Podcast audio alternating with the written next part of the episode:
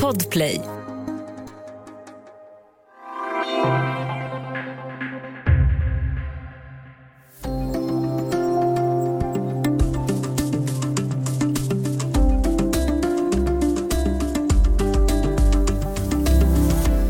Från sitt köksfönster i norrbottniska Åträsk ser Alice och Ulf Ölund ut över vad som ska bli en av Europas största vindkraftparker. Men de blickar också ut över resultatet av en kinesisk framtidsplan. I dagens Studio DN berättar vi historien om när en kommunistisk diktatur blev storägare av svensk vindkraft. Välkommen, jag heter Ylke Holago.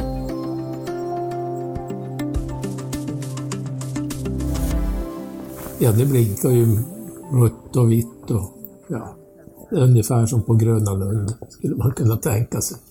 Nåja, men vi vänjer oss. Ja, jag ser dem inte. Människan är anpassningsbar. Ja.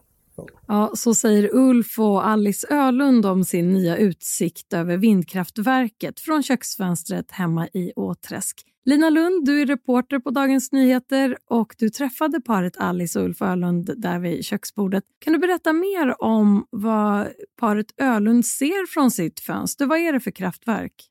Ja, men det vi hörde Ulf berätta här i, i, illustrationen nyss är ju hur det ser ut på kvällarna utanför deras köksfönster. De blickar ju ut mot den svenska vildmarken kan man säga med sjön Åträsket precis framför fönstret och på andra sidan den stora skogen som bara breder ut sig över vidderna. Och ovanför den vanliga skogen har det växt fram en, en ny skog, eh, en skog av vindkraftverk. Och där byggs ju det som när det är klart om några år ska bli Europas största landbaserade vindkraftpark med uppemot tusen eh, vindsnurror. Och när mörkret sänker sig över bygden, vilket det gör ganska tidigt så här år, så långt norrut, eh, så lyses hela himlen upp av det här blinkande rödvita ljuset som vi hör Ulf beskriva. Och hur, vad pratar vi om storleksmässigt? Vi använder begrepp här som gigantiskt, jättestort, eh, ett eh, unikt projekt. Vad har vi för mått? Det är ju då, eh, när allting är klart så räknar man med att uppemot tusen vindkraftverk kommer att byggas eh, på en yta som är dubbelt så stor som Stockholms stad. Så det är ju verkligen ett enormt projekt och, och den som är intresserad av teknik och ingenjörskap har verkligen någonting att hämta där uppe i skogarna mellan Piteå och Arvidsjaur. Du berättade här hur det lyser upp himlen när det är mörkt. Hur låter det? Ja, men det låter ju en del från vindsnurrorna. Det är ett liksom svorsande ljud hela tiden när det blåser. Eh, paret Ölund då beskriver det som att det är ett godståg som åker på avstånd genom skogen, att man har ett dunkande. Och varför har man valt att anlägga den här vindkraftparken just i det här området? Ja, men dels handlar det om att det är ett väldigt glesbefolkat område. Jag tror att eh, inom den här arealen då, motsvarande två Stockholm så bor det omkring 400 personer, alltså väldigt få.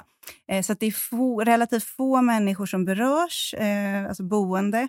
Eh, men framför allt så är det väldigt bra vindförhållanden. Och det är när, när vinden blåser så trycks kraften upp på de här platåerna och det gör ju att den här styrkan i vinden gör ju att eh, man kan producera mer el till ett lägre pris. Och Vad handlar det om för energimängder som parken kommer att bidra med? Ja, men utvecklarna räknar ju med att när allting är klart, då ska den här parken förse Sverige med ungefär 8% av hela landets eh, elkonsumtion. Så två gånger Stockholm, 8% av elproduktionen. Häftigt. Hur, ja, hur har den här satsningen påverkat bygden? Ja, men det här har ju varit ett område som eh, sedan ganska många decennier egentligen har eh, påverkats av avbefolkning. Man rationaliserade skogsbruket eh, på 60-talet och sedan dess har väldigt mycket arbetstillfällen försvunnit eh, och många människor har flyttat till, till närm de närmsta städerna. Och man ser det när man reser genom området att det står många ödegårdar och hus där det växer träd genom taket. Och I och med den här satsningen så har det ju tillkommit ett nytt liv i trakterna. Man har ingenjörer, tekniker, byggarbetare från ett 30-tal olika länder som har rest upp in i de svenska skogarna för att vara med och driva den här satsningen. Eh, och De här människorna ska ju bo någonstans, de ska handla mat någonstans, så det har liksom gett ett nytt eh, liv till bygden, menar vissa och andra sörjer kanske då naturen och den närmiljö som har funnits där eh, sedan årtusenden. Ja, jag nämnde ju här tidigare att det finns kinesiska intressen i den här vindkraftparken. Hur hänger den här gigantiska satsningen ihop med Kinas politiska intressen? Ja, men en del av parken har ju då kinesiska ägare. När allting drog igång för nästan 20 år sedan så kom det investerare från, från många olika länder, framförallt från Tyskland och USA som eh, var de som pumpade in mest pengar i projektet. Men eh, för ett par år sedan så skedde en stor försäljning eh, då ett kinesiskt eh, statskontrollerat bolag klev in. Eh, jag ska säga ett, ett europeiskt dotterbolag till det bolaget klev, klev in och tog över en, del av, en ganska stor del av parken eh, som man nu är delägare till. Eh, och eh, det där uppköpet hänger ju då förstås ihop med Kinas större industristrategi. Eh, man brukar prata om det här projektet som kallas för Made in China 2025 som då är en ny nationell strategi för hur man ska lyfta Kina från att vara det här man brukar kalla för världens fabrik, alltså ett land där eh, lågbetald arbetskraft producerar enkla konsumtionsprylar för att skicka till resten av världen. Bort med det och in med högteknologi och innovationer, spetsteknik som ska göra landet till liksom en, en högteknologisk supermakt. Och i den här strategin så nämner man specifikt utvecklingen av grön energi som en viktig punkt. Och det är förstås där som vindsnurrorna i den svenska vildmarken kommer in. Så är det kinesiska staten som är delägare i vindkraftparken i Norrbotten? Det, det, är, det finns ett företag i Kina som är statskontrollerat som har ett europeiskt dotterbolag som har skapat ett svenskt ägarbolag som har gått in som delägare till en del av parken. För att göra en, en krånglig historia kort. Och med den här strategin Made in China 2025, eh, hur synkar den med den svenska regeringens egna planer på grön omställning? Nej, men ett, av, eh, ett av de uttalade målen för den svenska regeringen är ju att Sverige ska bli ett av världens första fossilfria välfärdsländer. Och I det, den omställningen så spelar ju vindkraften en nyckelroll. Regeringen skriver själva att om Sverige ska må nå målet om 100% förnybar elproduktion år 2040, det man har satt upp då som målsättning, så är vindkraftsutbyggnaden en central del. Och då är det ju den här jätteparken uppe i skogarna väster om Piteå en viktig eh, del i det. Och bland investerarna finns ju också företag från Tyskland, och Storbritannien och USA. På vilket sätt sticker just det kinesiska ägandet ut? Ja, men det handlar ju om vilket typ av land Kina är. Man, eh, har, eh, man styrs av ett regerande kommunistparti som har kontroll över det mesta som sker, både i landet och kopplat till kinesiska företag som är verksamma utomlands. Så när man pratar med säkerhetsanalytiker så lyfter de ofta fram hur Kina använder sig av ekonomiska påtryckningsmedel för att nå politiska mål. Eh, vi har exempel på hur man i Kina har exempelvis bojkottat eh, hm butiker efter att H&M i Kina uttryckte kritik mot hur man behandlade arbetare i en del av landet.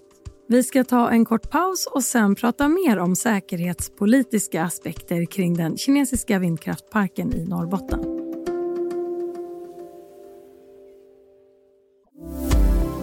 Du lyssnar på Studio DN där vi idag pratar om den vindkraftpark utanför Piteå som har kinesiska delägare.